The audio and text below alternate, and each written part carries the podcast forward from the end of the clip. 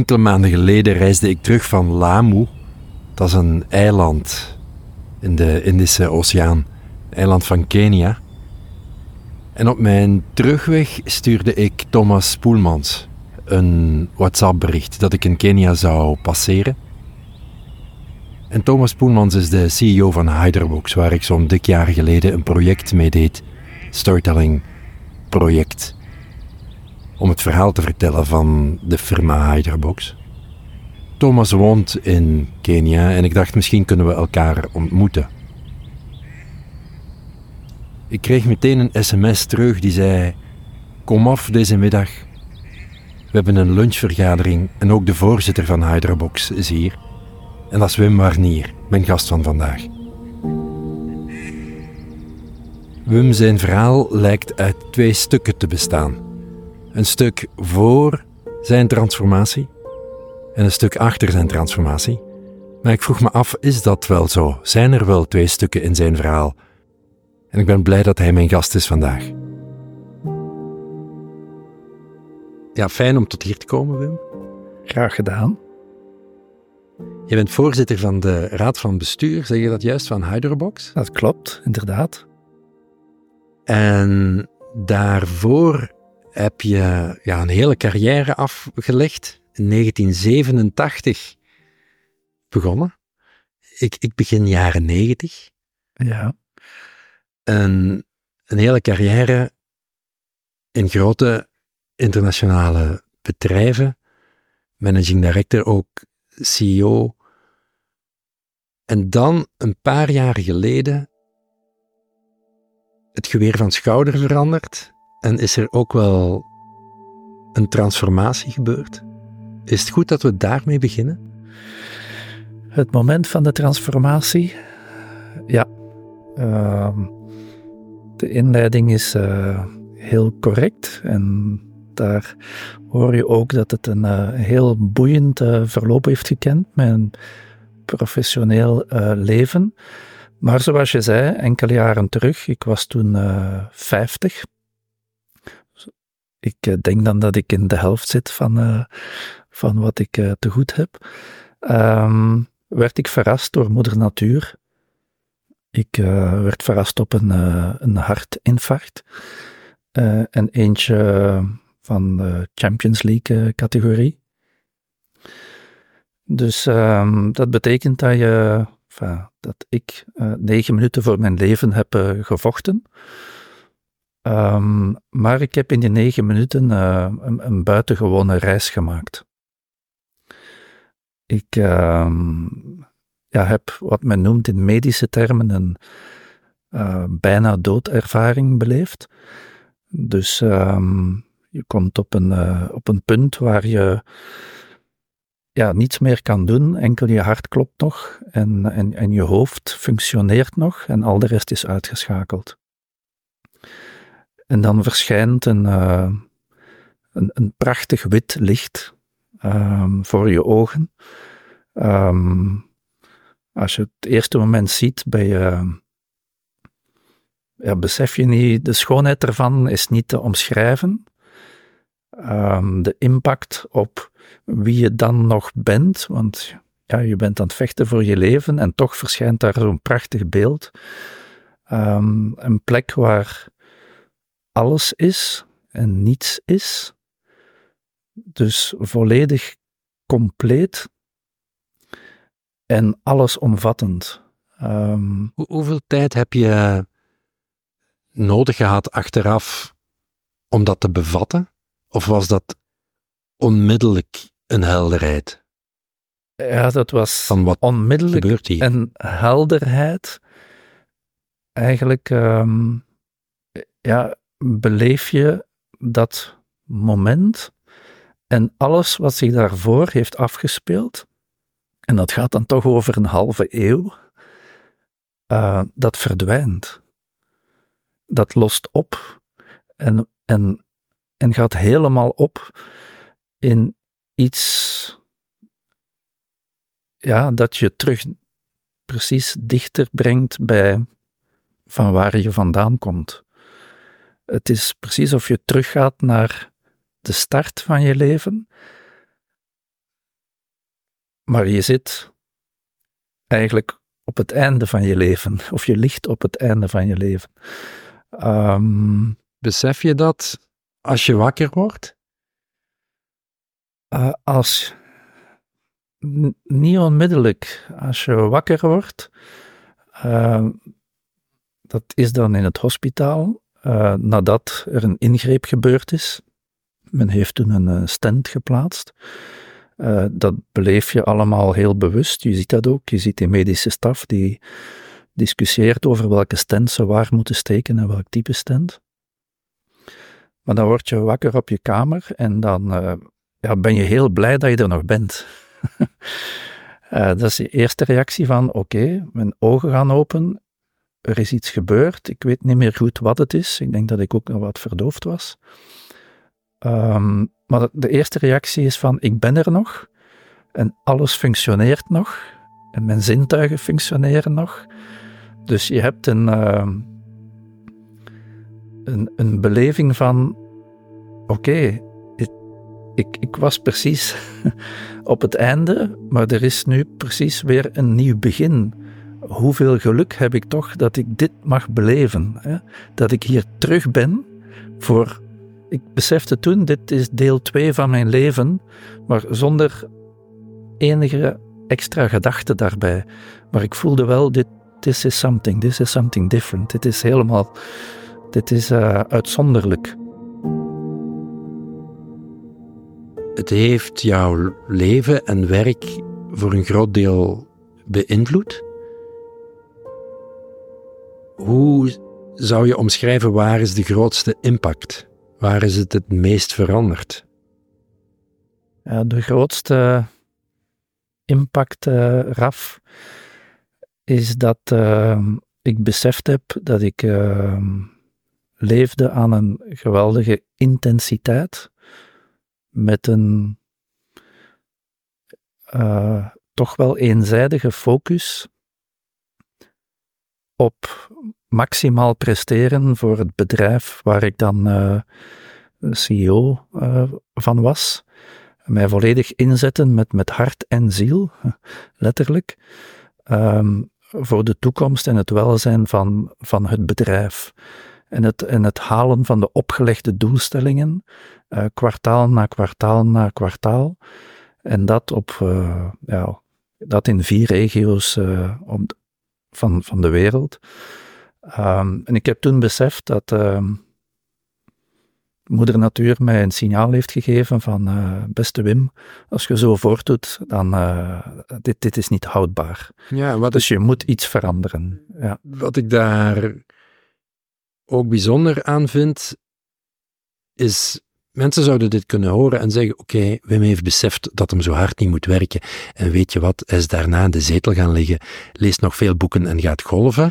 Um, maar er is een veel fundamentelere shift gebeurt. Het is niet alleen stilvallen of op een andere manier werken. Er is een dieper inzicht gekomen. Kan je daar iets over vertellen? Ja, dus vrij snel komt het inzicht van: oké, wat er geweest is, kan ik niet meer verder doen.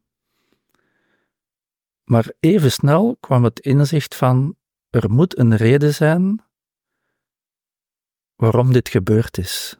Ja? Um, het voelde voor mij dat ik uh, een ticket had gekregen om terug te keren. En, en met de vraag van, en, en deze keer zet je in voor waarvoor je eigenlijk op de, op de planeet gezet bent, of, of, of waarom je hier eigenlijk bent, zet je nu op een hele andere manier in. En dus met veel meer zingeving, met veel meer impact en met door bezig te zijn met dingen waar ik ook als mens een uitgesproken goed gevoel bij heb, doordat ik iets beteken voor de wereld. Dat klinkt nu heel, heel zwaar, maar ik besefte dat ik was teruggekeerd om met meer zingeving voor mezelf en voor de mensen rond mij uh, actief te zijn. En dus ben ik eigenlijk een volledig transformatieproces gestart. Um, je hebt eerst natuurlijk een, uh, een fysiek revalidatieproces waar, je niet omheen kunt om, om weer op krachten te komen. Want uh, negen minuten vechten voor je leven vraagt nogal wat van, uh, van lichaam en geest. Um, en tijdens die revalidatie heb je, dat is het voordeel, hè, dat duurt een jaar, maar je hebt heel veel tijd om, om na te denken over wat er is geweest en wat er in de plaats zou kunnen komen.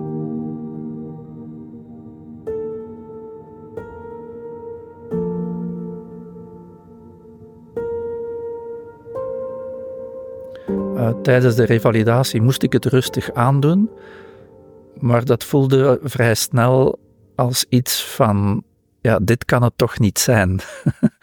dat ik daarvoor ben teruggekeerd om nu het gewoon vanuit een luie zetel en met een golfclub in de hand uh, de dagen te vullen, bij wijze van spreken. Um, er moet een andere reden zijn waarom ik deze tweede kans krijg en dit tweede leven krijg.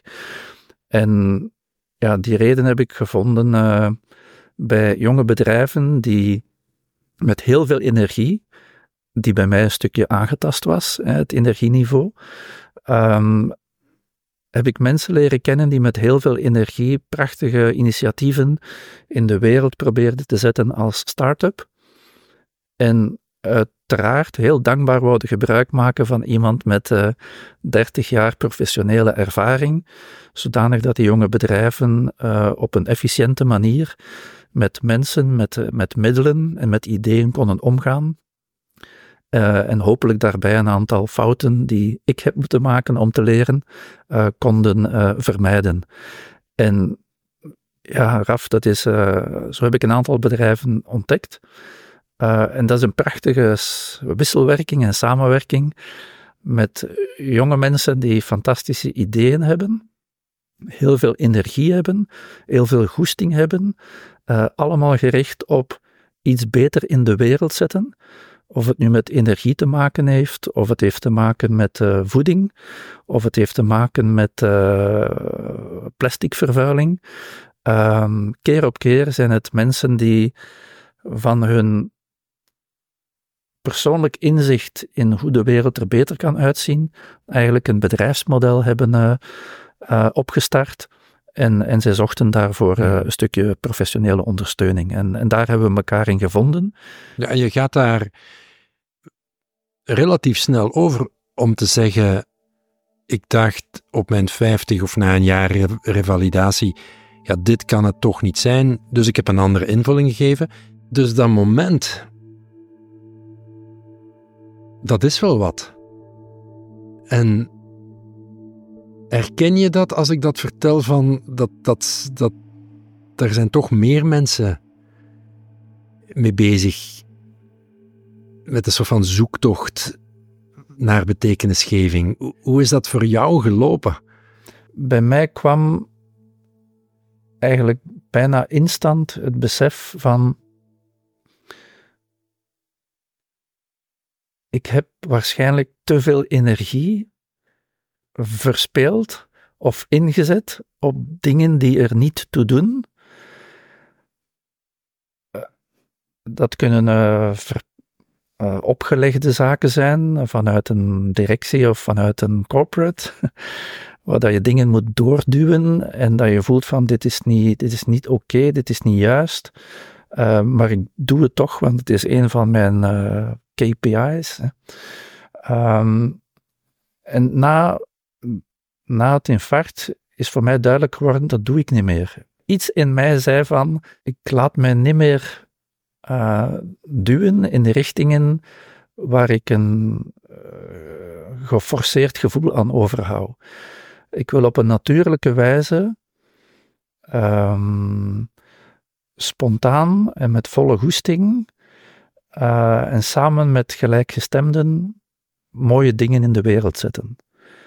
Um, en dat, dat, klinkt nu, dat ik mezelf hoor praten, klinkt dat uh, wat geromantiseerd. Langs de andere kant vind ik dat eigenlijk uh, het mooiste dat, dat, dat mij kon overkomen. Ik, ik zie dat, ik heb het al eens gezegd, Raf, ik ben eigenlijk dankbaar dat mij dit overkomen is, omdat het mij onmiddellijk een inzicht heeft gegeven op een zeer heldere en duidelijke manier van je hebt nu de kans om voor de rest van je leven, en dat, zijn nog, dat is nog een heel lange periode, zo mag ik, uh, zo mag ik toch hopen, uh, echt met dingen bezig te zijn waar dat ik plezier aan beleef, uh, waar dat ik met volle goesting doe, uh, waar dat de zingeving van de bedrijven waar dat ik aan werk, dat die nagenoeg naadloos aansluiten bij wat voor mij zingeving betekent. Um, ja, en dat, dat doet mij dat voelt als een stukje het wat. En ik weet ook vanuit jouw pad dat ook de manier waarop je dat doet, het hoe, ook flink veranderd is. Ja, ja, ja inderdaad. Het is het, wat het de grootste verandering is dat voorheen het cognitieve primeerde over hoe dat je de dingen aanpakte, hoe dat je structureerde, hoe dat je het plande, hoe dat je het communiceerde.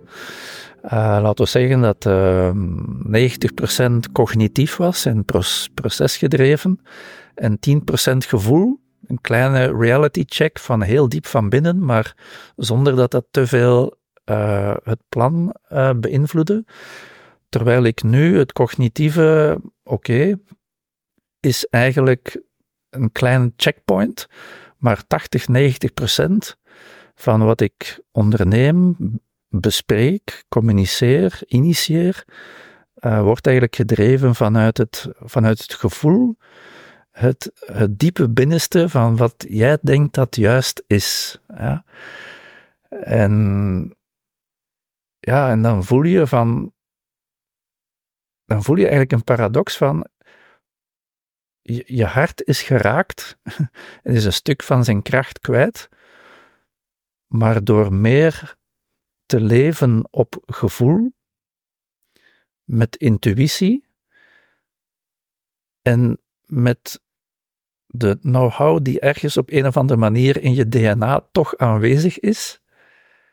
Ja.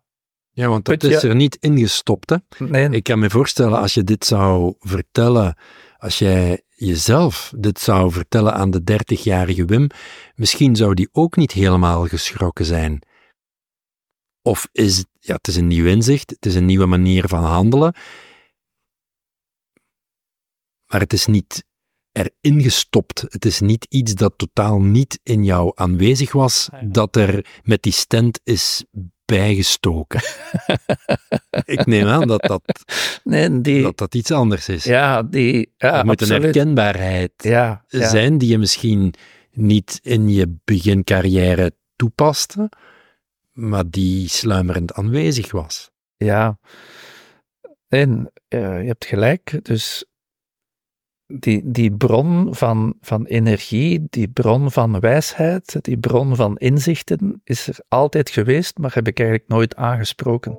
Ja, dat is bij iedereen aanwezig, hè? Ja. We zetten het allemaal dicht met ons hoofd, de ene al wat meer dan de andere. Ja, het, het hart, daar, allee, daar ben ik nu.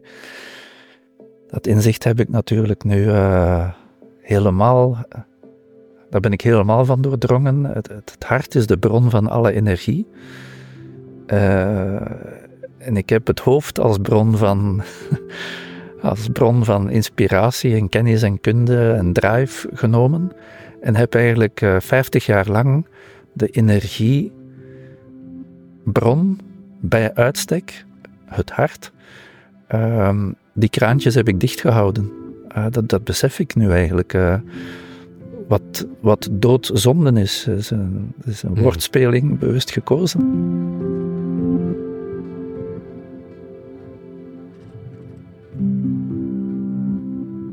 Het hart is de bron van alle energie. Daar stroomt, daar moet eigenlijk alles vanuit stromen naar wat zich afspeelt in je lichaam en wat, wat zich afspeelt en wat je initieert in de wereld daarbuiten. Ja, en nog eens herhalen, je bent actief in het bedrijfsleven, voorzitter van de raad van bestuur van verschillende bedrijven en een adviserende rol. Dit is ook de taal die je spreekt bij die bedrijven. Dit is niet alleen de taal die je spreekt in een podcast, het is de taal die je toepast in je werkactiviteiten. Hoe loopt dat? Want voor sommige mensen is dit een nieuwe taal. Voor sommige mensen is het een nieuwe taal, net zoals voor mij het een nieuwe taal was, uh, Raf. Maar als de mensen die taal horen, ja, dan horen en zien ze een, een niveau van authenticiteit dat je met weinig andere zaken kunt vergelijken. Want I've been in their shoes, maar ik voeg er eigenlijk een dimensie aan toe, een ervaringsveld dat uniek is en waarvan ik ook hoop dat niet iedereen uh, door die hel moet gaan van een infarct om, om die ervaring uh, mee te krijgen. Dat gaat een pak verder dan wat wij vandaag volg je buikgevoel of intuïtie noemen. Ja, ja dat, dat, dat klopt. Um, het, is, het, is, het is moeilijk te beschrijven en, en moeilijk te, te vatten. Het is zo op een gegeven moment. Uh, voel je van, ik, ik ben hier niet met een leeg blad gekomen op deze aarde. Hè? Want dat is een beetje de misvatting van heel veel mensen en van heel ons maatschappelijk systeem. Een baby wordt geboren en een wit blad. En we moeten daar van alles opschrijven, want die baby weet niets. Hè? Uh, eigenlijk is dat niet zo. Hè? Dus uh, wij zitten hier, we komen allemaal, worden allemaal geboren met uh, met ongelooflijk veel inzichten van al onze voorouders. Dat zit in ons. Dus al dat historisch, um, uh, al die historische collectieve ervaring van al die generaties die ons zijn voorafgegaan, uh, althans die in je stamboom, hè, die, die zijn doorgegeven op een of andere manier. Een dat zit in je wijsheid. Die collectieve wijsheid, ja. En dat is meer dan buikgevoel. Hè, dat, of bij het woord buikgevoel denken de mensen van, ik, ik, ik voel het even en ik zeg het dan. Maar op een gegeven moment besef je van, ja, als ik het echt goed voel, ja, en ik neem daar de tijd voor, en ik laat dat even bezinken, dat vraagstuk, en ik toets dat even aan dat, dat collectief bewustzijn dat, dat in, in jezelf aanwezig is, en, en je zegt daar dan iets, je doet er dan iets mee, en je, je komt tot uitspraken, dan sta ik eigenlijk keer op keer versteld van hoe scherp, in de positieve zin, hoe juist, hoe wel overwogen en hoe natuurlijk dat advies dan klinkt. Ja, het is een soort van uitnodiging, hoor ik, dat je aanvoelt en luistert en kijkt naar wat zich aandient in die bedrijven, welke collectieve wijsheid daar aanwezig is, en dan probeert te werken met dat wat er is. Juist, ja. Het is eerder dan in te schatten van, ah, dit heb ik al eens gezien of dit heb ik al eens beleefd. Het is eigenlijk, uh, ja, praten met diverse mensen en daardoor een inzicht te verwerven vanuit verschillende perspectieven over wat er zich afspeelt in het bedrijf, wat er zich afspeelt in de afdelingen en wat er zich afspeelt met de individuen zelf. Op die drie lagen.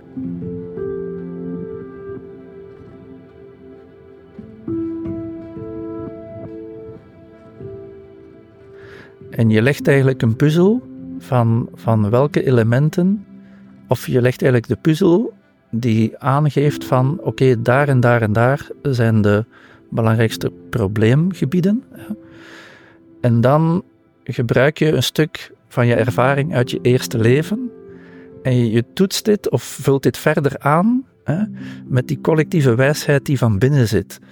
Het is eigenlijk je ervaring die dan in je ziel besloten ligt en die je hebt meegekregen, maar waarvan ik me niet bewust was in mijn eerste leven, uh, die voor mij nu eigenlijk de belangrijkste toetssteen is om de ervaring die ik had uit het eerste leven toch nog even af te toetsen met het collectief, met die collectieve wijsheid. En het is die combinatie die eigenlijk een uh, uniek en mooi uh, kwalitatief advies oplevert, uh, wat de bedrijven ook van voelen van, ja, zo hadden we het nog niet bekeken, of dit is, dit is het eigenlijk, ja, en dit vat alles perfect mooi samen, en, en, en zo gaan we het doen, of, of dit gaan we doorvertalen, want dat, dat is het. Ja.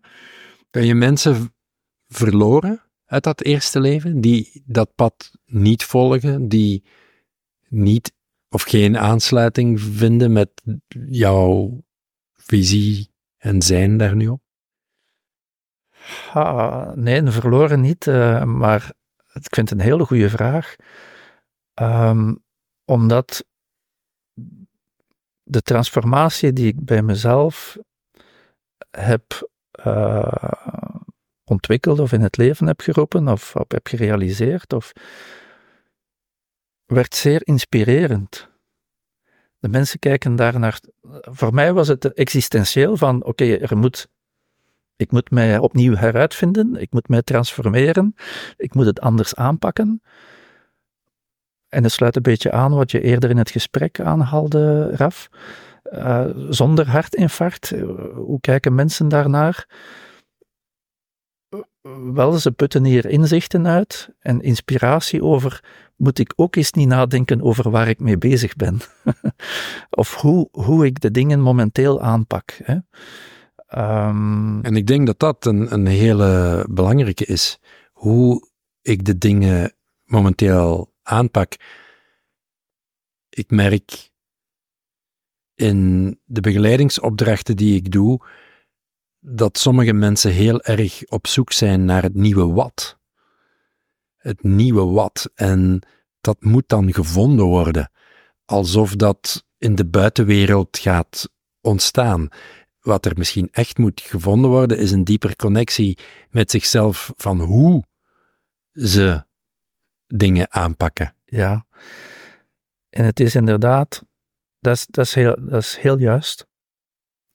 Het, het hoe, want het wat is voor de gemiddelde mens is steeds moeilijker nog te vatten. Technologie evolueert aan zo'n snelheid, het menselijk brein kan niet meer volgen. Dus uh, met het wat kunnen we er als mens geen rol meer in spelen, of wordt het steeds moeilijker om vat te krijgen op de snelheid van de ontwikkelingen rondom ons.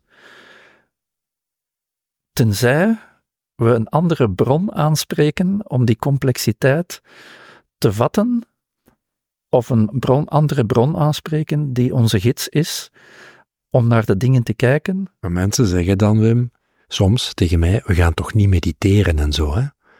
Als we over die bron hebben, ik wil zeker naar mijn hoe kijken.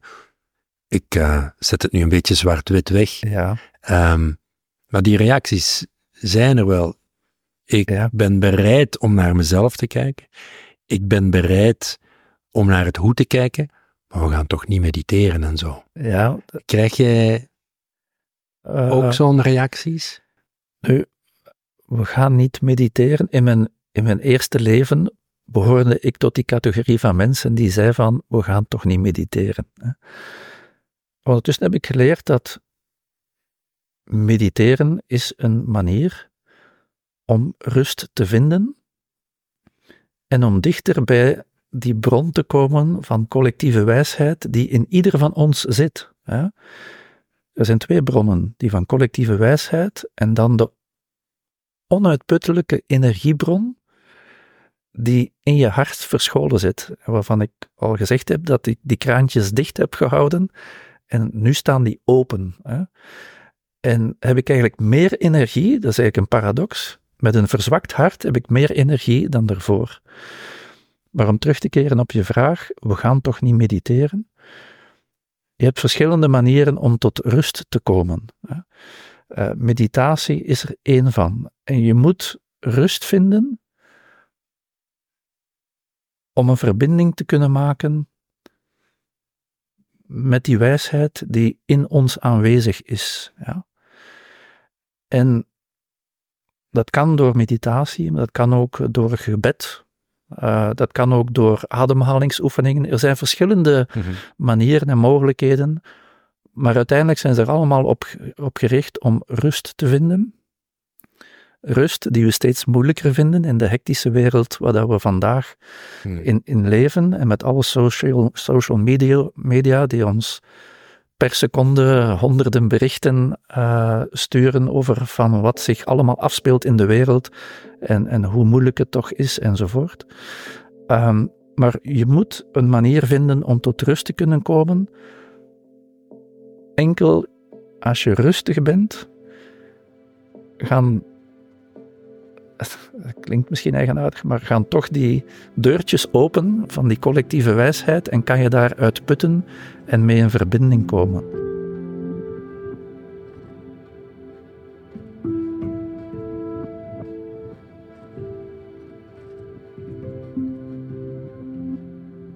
Wat ik vaststel ook is dat we zijn met z'n allen op zoek naar rust, maar om tot bij die rust te geraken, zeg ik vaak, moet je voorbij de onrust. Ik ga je een voorbeeld geven.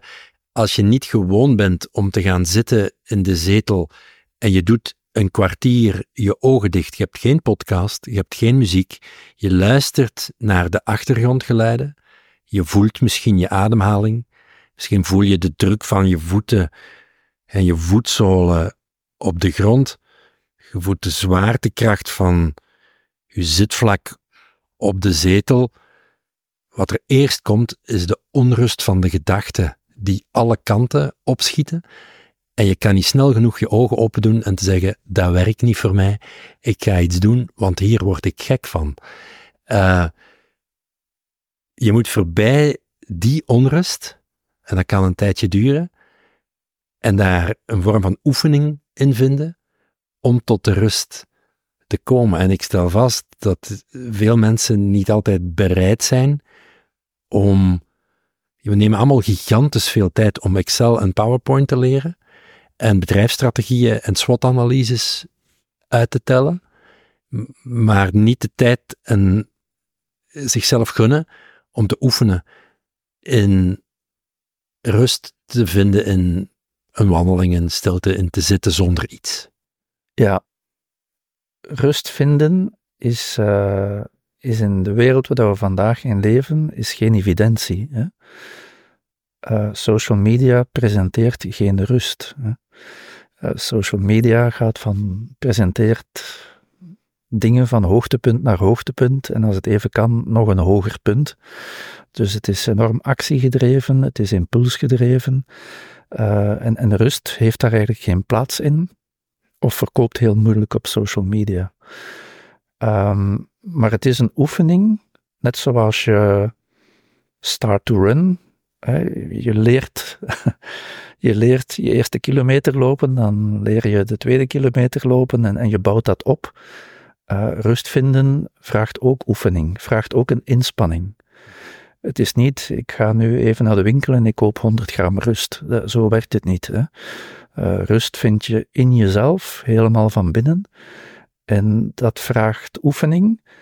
En in die oefening, zoals je zei terecht, ontstaat er heel veel onrust, omdat er dan plotseling gedachten, inzichten verschijnen, waar je ofwel geen raad mee weet, of die je niet goed uitkomen, of die niet passen bij je ego. um, maar dat is ook deel van de oefening om die onrustige weg te bewandelen. En die ligt vol met inzichten die soms verklaren waarom je je niet goed voelt in je vel, of waarom alles heel veel energie kost, of waarom je zo vermoeid bent, of waarom enzovoort enzovoort. Um, maar het begin van, het begin van uh, rust vinden is om de weg terug naar jezelf opnieuw te bewandelen. Um, ik vergelijk het altijd met uh, een, een, een, baby van enkele weken oud. Als je die ziet rusten, die heeft een een prachtige, rustige lach op het gezicht. En je kan je niet inhouden om diezelfde lach op je eigen gezicht te toveren als je dat ziet. Omdat je een, iets, een, een wezen ziet dat aan het begin van het leven staat, of ligt, en dat heel tevreden is. En die puurheid en die zuiverheid en die rust wordt uitgestraald. Als leidinggevende, als jij een rust uitstraalt in een onrustige situatie, want de wereld is continu in onrust, Ja. is dat een veld dat je zet waar je anderen in meeneemt. De taal die je spreekt, de woorden die je kiest, de manier waarop je dat brengt, creëert een cultuur, een gemeenschap, een verhaal dat inspirerend is en anderen meeneemt. Ja, dat is een hele mooie sprong die je maakt en eh, een heel relevante.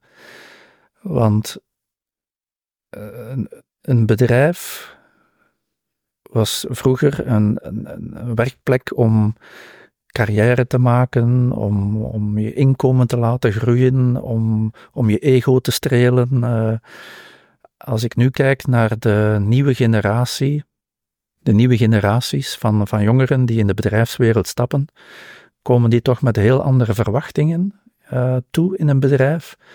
En eentje daarvan is, is dit een plek waar ik tot rust kan komen, het beste van mezelf kan geven, waar ik een psychologische veiligheid ervaar, waar ik mezelf mag zijn. Die betekenisvol is? Ja, die betekenisvol is. Dus dat is een hele nieuwe waslijst van verwachtingen, uh, die gelukkig veel verder weg liggen van het materiële. Um, die jongeren zijn opgegroeid in een gemiddeld gezien, in een betere materiële welstand waar alles aanwezig is. Hmm. Dus die zoeken nu, en dat is heel mooi, opnieuw de echte waarden van het leven. Ja, maar je En- hoort wel eens bedrijfsleiders zeggen, of leidinggevenden, het is nogal wat met die nieuwe generatie. Ze passen niet. Wat moeten we daarmee? Ja, dus zij zeggen dat de jonge generatie niet past in hun, in hun manier van zijn of, of in hun manier om bedrijven vorm te geven.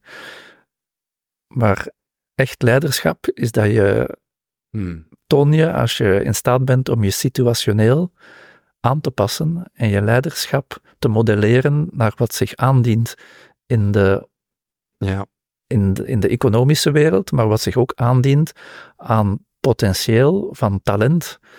En er is daar duidelijk een shift met nieuwe verwachtingen, eh, wat prachtige kansen biedt. ja, want het bedrijfsveld ziet er niet meer uit dan 1987, toen jij begon. eh, Dat klopt, dat klopt, ja. En we leefden toen ook in een tijd, dat is nog altijd de naoorlogse tijd. Hè. Het, was, het was gewoon een groeiverhaal overal.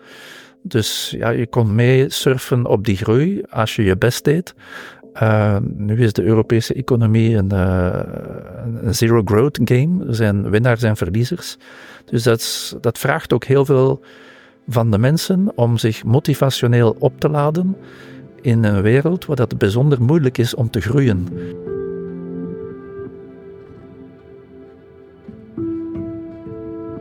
Als we dit bandje zouden afgespeeld hebben aan jou toen je 30 was, en aan jou toen je 20 was, en aan jou toen je 14 was,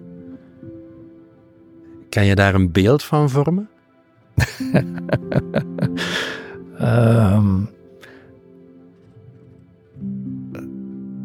ja, en, nu heb ik de neiging om iets te zeggen waarvan ik denk dat is een cliché. Het was toen wel een andere tijd. Hè? Um, dat was de manier van zijn, was om mee te draaien in dat systeem. Um,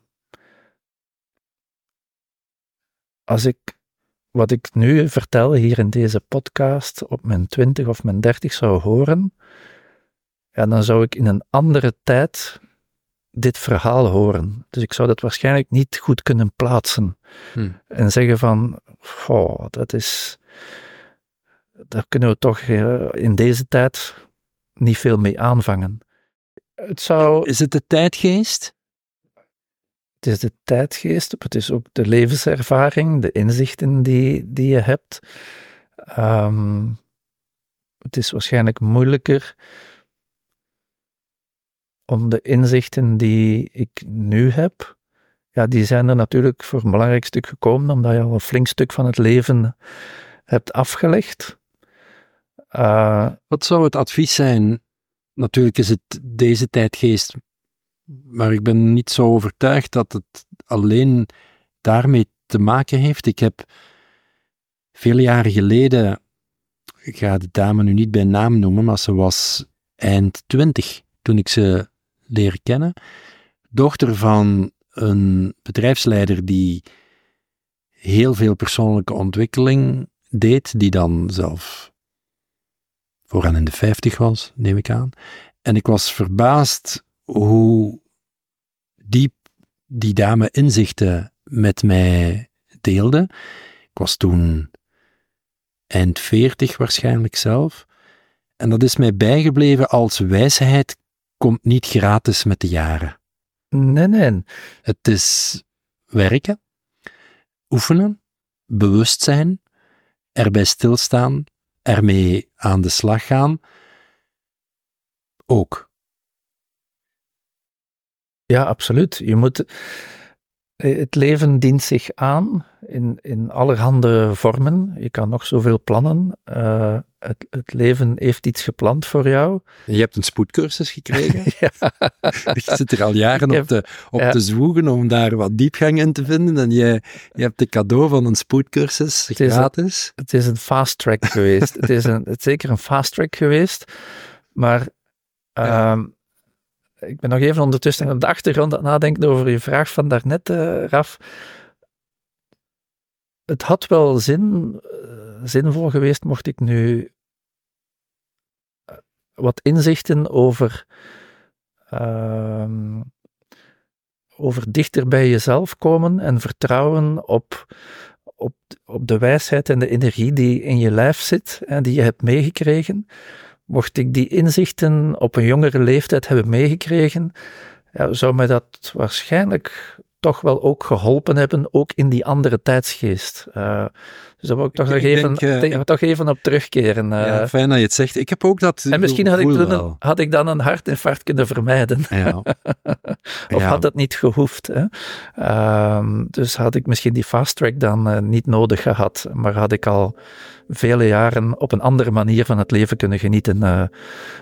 zowel professioneel als privé. Dus daar wil ik toch even op terugkeren nu dat ik er uh, dieper over nadenk. Ja. Dankjewel om de trip te maken helemaal tot in de studio hier. Heel graag gedaan, Raf. Bedankt om mij in je studio te hebben en dit boeiende en interessante gesprek te hebben. Dankjewel.